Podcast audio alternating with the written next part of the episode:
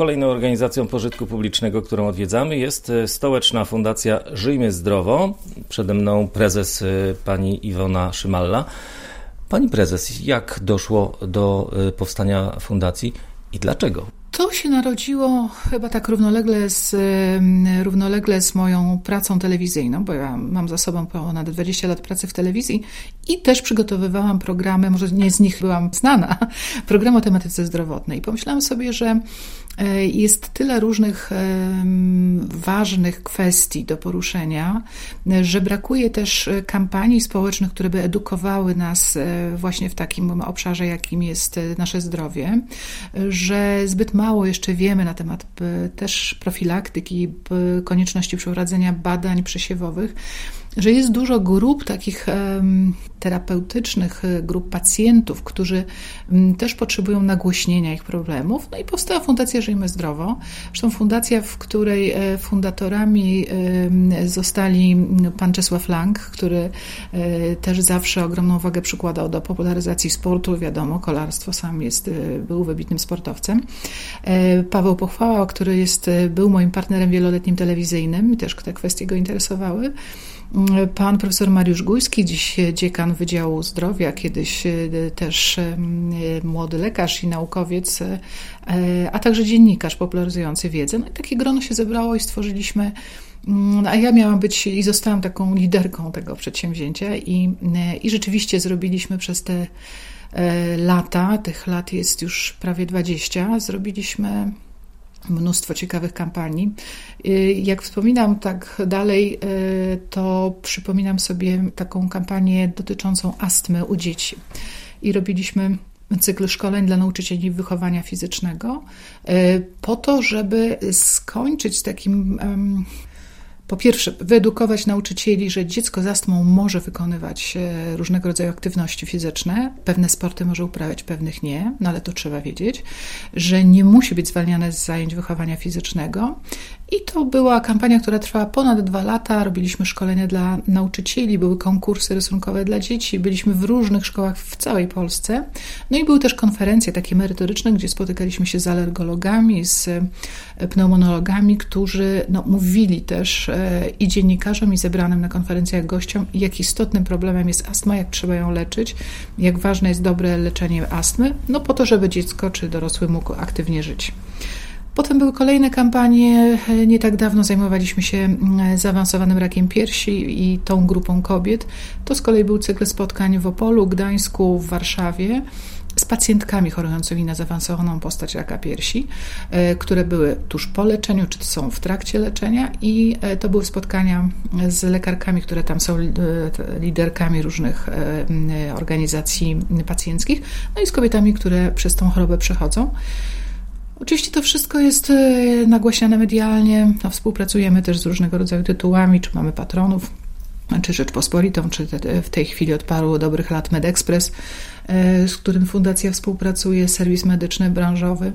No więc mnóstwo tych kampanii. Teraz jesteśmy organizatorem e, w maju tego roku zorganizowaliśmy Kongres Zdrowia Kobiet, a w, we wrześniu Kongres Zdrowia Mężczyzn. I to są takie nasze ta, dwa nowe kongresy, które fundacja jest organizatorem.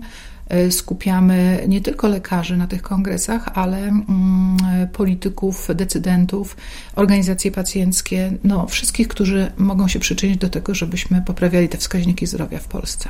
Kobiety, mężczyźni, dzieci. Rozumiem, że adresujecie swoje propozycje do e, wszystkich. E, rozumiem też, że mm, co jakiś czas poświęcacie mm, uwagę innemu schorzeniu tak to nazwę. Y, tak, y, tak to, y, tak to się układa, że co jakiś czas skupiamy się na innym problemie. Oczywiście jest tak, że ten problem wynika, na przykład zajmowaliśmy się kwestią pacjentów młodych chorujących na schizofrenię i to był ciekawy projekt, ponieważ on się nazywał Powrót do społeczeństwa, powrót do pracy, powrót do zdrowia. I to było wspólne działanie z pracodawcami RP, mm, z pracodawcami, którzy w Polsce E, chcą zatrudnić takie osoby, które mają za sobą taki epizod e, związany z zaburzeniami psychicznymi, z chorobą psychiczną. No i udało nam się znaleźć pracę, e, szukaliśmy w Poznaniu, w Warszawie, e, dla kilkunastu osób młodych. No, my też podkreślaliśmy, to jest fakt medyczny, że taki pierwszy atak schizofrenii występuje bardzo często w młodym wieku, albo w trakcie studiów, albo już kiedy człowiek jest na początku jakiejś swojej drogi zawodowej. No i dlatego mm, takie ważne jest, żeby e, i powiększać świadomość społeczną na temat tej choroby, że można ją też opanować, też panować nad nią, tak, żeby człowiek mógł być pożyteczny e, w społeczeństwie. E, dużo robiliśmy też działań związanych z propagowaniem e, psychiatrii środowiskowej, żeby wyjść ze szpitali, a pacjent czy osoba, która ma problemy natury psychicznej, żeby mogła działać w swoim otoczeniu, być w tym otoczeniu, żeby mogła jakoś być wspierana. No więc e, tak, to są co jakiś czas kolejne obszary e, i kolejne grupy pacjentów, którzy potrzebują takiego nagłośnienia problemu. No właśnie, jak wybieracie problem? Mhm. Czy to jest tak, że w mediach głośno, tak jak pani teraz mhm. mówi, o mm, zaburzeniach psychiatrycznych, więc trzeba się temu poświęcić? Czy sami sobie wynajdujecie gdzieś, albo jest to przypadkowe zdarzenie, które powoduje, że temu elementowi poświęcicie więcej mhm. czasu? Często to jest tak, że ta rzeczywistość nam te e, tematy podsuwa, prawda? Bo coś jest problemem, bo na przykład e, też kolejna kampania Fundacji Żyjmy Zdrowo dotycząca depresji. No, kiedy zaczęto na ten temat mówić, kiedy znane osoby też zaczęły mówić o tym, że miały za sobą epizod depresji albo że leczą się właśnie w tej chwili, no to też postanowiliśmy jako fundacja zrobić ciekawy projekt, projekt i taki projekt e, nam się udało zrobić. Mm, więc życie to dyktuje te tematy, ale też często e, nasi partnerzy. Mm, jeśli naszym partnerem jest na przykład organizacja pacjencka, mm, a zależy im na tym, żeby w jakimś obszarze e, pacjenci mieli dostęp do pełnego spektrum terapii, no to wspólnie opracowujemy kampanię, która no, trafi do decydentów, trafi do tych, którzy podejmują decyzje na przykład refundacyjne. No i mówimy o takiej chorobie yy, i o takiej grupie pacjentów, którzy właśnie potrzebują, żeby się nimi zaopiekowano w jakiś sposób bardziej skoordynowany. Więc trochę partnerzy, czasem sponsorzy, e, rzeczywistość, no i takie nasze pomysły, ale mm, tak wiele z tych tematów e, napływających do nas, że, że musimy raczej bardziej rezygnować niż, niż wymyślać coś nowego. Uśmiechnę się teraz, pani też się teraz uśmiechnie, bo e, zadam e, pytanie rozbrajające. A to służba zdrowia już nie wystarczy? No nie, no, no, szkoda, ale nie wystarczy. A poza tym, e, no tak wgryzając się w te różne tematy, widzimy też, że na wielu poziomach też i lekarze, i pielęgniarki potrzebują takiego, no nie powiem edukacji, ale takiego dotknięcia problemu może bardziej szczegółowo. Więc my też zdarza nam się robić takie webinary czy warsztaty, E, dla pielęgniarek na przykład, czy dla, mm, czy dla lekarzy, no po to, żeby poszerzyć ich e, horyzonty, żeby dowiedzieli się, się o jakiejś kwestii. E, więc, więc no, jest służba zdrowia bardzo dobrze, no ale to wszystko cały czas trzeba działać i, i się uczyć, bo postęp w medycynie jest ogromny. My żyjemy coraz dłużej i coraz więcej jest pacjentów, którzy przyjmują wiele leków, mają wiele chorób. No, ten świat jest coraz bardziej skomplikowany mm, i medyczny, i pacjencki, więc trzeba się cały czas uczyć. Byłem kiedyś w jednym ze stowarzyszeń, bodajże w Gorzowie Wielkopolskim, i na pytanie, po co powstało to stowarzyszenie, a ono też dotyczyło, czy działało na rzecz osób chorych y, w określonym kręgu, e, usłyszałem, że służba zdrowia tylko zalecza ranę Natomiast leczyć się trzeba potem dalej i tutaj już właściwie żadnej pomocy nie ma. Mhm. Rozumiem, że u Państwa mm, też y, ten element jest ważny. Jeśli dobrze tak zrozumiałam, to tak, zalecza rany. No właśnie, bo e, jak to wygląda? Jest profilaktyka. Wiele rzeczy zależy od nas, prawda? Stan naszego organizmu zależy też od naszych nawyków. Jest cała profilaktyka pierwotna, więc kontrolowanie czynników ryzyka i cała profilaktyka wtórna, kiedy no, robimy konkretne badania przesiewowe już w grupach ryzyka. Wiemy, że są osoby, które bardziej predysponowane do czegoś, do jakiejś choroby.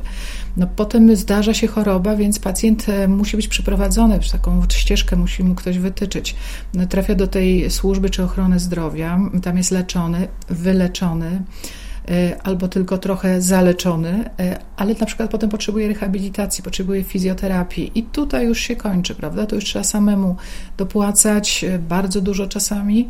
Rehabilitacja to w ogóle jest w jakiejś szczątkowej formie w Polsce. Więc ten pacjent zostaje sam, sam sobie. My wiemy też, że wielu pacjentów nie przyjmuje leków zgodnie z zaleceniami, przerywają terapię, no bo nie ma jakby tego e, pilotowania ścieżki pacjenta, prawda, że pacjent e, wyszedł z oddziału kardiologicznego, dostał przepisane proszki, no a potem on za, za miesiąc przestaje brać i znowu trafia na ten oddział i znowu zaczyna się mm, hospitalizacja, która jest dużo bardziej kosztowna niż e, inwestowanie w profilaktykę, czy też w takie mm, pilotowanie tego pacjenta, żeby on sam się leczył i pilnował siebie, ale jednak ktoś nad tym czuwa, prawda? Wrócę do początków. Wymieniła Pani kilka osób, y, które mm, są, proszę wybaczyć określenie, twarzami może y, tej fundacji i akcji przez Państwa y, prowadzonych, ale domyślam się, że to jest całe grono innych osób. To wolontariat? No tak, wolontariat, ale też no, my współpracujemy z lekarzami, yy, współpracujemy z ekspertami, współpracujemy z organizacjami pacjenckimi. No, jakoś tak musimy to finansowo też układać, żeby, no żeby móc zrobić jakiś projekt, ale mamy często granty, mamy mm, darowizny, e, współpracujemy też e, z firmami farmaceutycznymi, no więc e, tak staramy się gospodarzyć tym gospodarować tymi pieniędzmi, żeby, żeby też no, móc na przykład też zapewnić honorarium na ekspertom, czy komuś, kto, mm, kto przygotowuje jakiś istotny wykład, czy kto angażuje się w jakąś kampanię. No, no, no, natomiast te środki, które pozyskujemy, no to staramy się tak mm, rozdysponować, żeby móc robić jak najciekawsze te kampanie, nie, nie, nie jak najtańsze, tylko po prostu, żeby były ważne dla, dla pacjentów, dla ludzi, żeby się też, żeby zmieniały rzeczywistość, prawda? I weszliśmy w stronę finansową e, działalności, więc zapytam o 1%, bo to jest powód, który sprawił, że dzisiaj ze sobą rozmawiamy. Jesteście Państwo organizacją pożytku publicznego i zabiegacie i pozyskujecie 1%. Tak, jesteśmy organizacją pożytku publicznego, zabiegamy o 1%, pozyskujemy. No nie są to jakieś ogromne wpływy, ale, ale bardzo nam na tym zależy, no bo to oczywiście każdy, każdy grosz się liczy przy takiej działalności. Mamy wiele osób, które dość systematycznie też jakby przeznaczają ten 1%, to, to wiemy, że na, na, na fundację naszą, no bo znają ją z dobrych działań, więc na pewno bardzo byśmy zachęcali wszystkich, żeby też zainteresowali się Fundacją Żyjmy Zdrowo w tym, w, w, w zakresie 1%. Tak? To są pieniądze, które są bardzo ważne. I na zakończenie pytanie zamykające y, tę całą naszą rozmowę. Mm, czy po tych latach działalności fundacji y, można powiedzieć, że jej założenie to był dobry pomysł i że sprawdziliście się w tym działaniu, które założyliście sobie na początku? No myślę, że tak, bo jak patrzę na te lata, które minęły i widzę, jak e, wiele zrobiłyśmy, mówię zrobiłyśmy, bo głównie z koleżanką Małgosią Talarek e, pracujemy w fundacji, no to jestem z tego naprawdę zadowolona i dumna, bo wydaje mi się, że tak wiele ciekawych projektów, które do tej pory gdzieś są e, ważne dla ludzi, udało nam się tylu osobom pomóc, co też wiemy.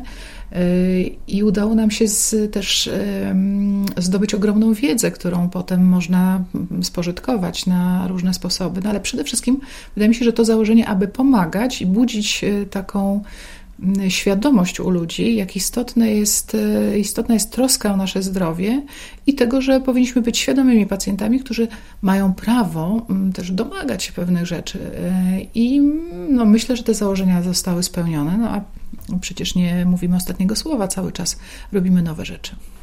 Już miałam zakończyć, ale ciekawy wątek jeszcze Pani poruszyła. A jesteśmy bardziej świadomymi pacjentami rzeczywiście? Czy takie działania jak Pani fundacji i kilku innych, kilkunastu, kilkudziesięciu mam nadzieję, sprawiają, że wiemy, że możemy się czegoś domagać od szeroko rozumianej służby zdrowia? Tak, jesteśmy coraz bardziej świadomymi pacjentami i e, organizacje pacjenckie, z którymi też współpracujemy, są coraz mocniejsze. E, my wiemy przecież, że dzięki tym wieloletnim działaniom organizacji pacjentów, trochę też naszym, e, powstała i przy Rzeczniku Praw Pacjenta Rada Pacjentów i przy Ministrze Zdrowia i to są liderzy organizacji, którzy się spotykają systematycznie i którzy uczestniczą w ogóle w podejmowaniu procesów, decyzji ważnych dla pacjentów wszystkich. Więc ja myślę, że pacjenci są coraz silniejsi. Nie zawsze się to lekarzom podoba, no bo lekarz ma bardzo mało czasu, a pacjent no, chce drążyć temat i wiedzieć jak najwięcej. No ale taki proces musi się odbywać. To musi, musi tak być, że pacjenci są coraz bardziej świadomi i coraz mocniej, intensywniej uczestniczą w, we wszystkich zmianach w systemie, które się dokonują. Przedstawicieli organizacji pożytku publicznego, którzy chcieliby je zaprezentować w tym programie, proszę o kontakt. Sławomir Kordyjalik, do usłyszenia.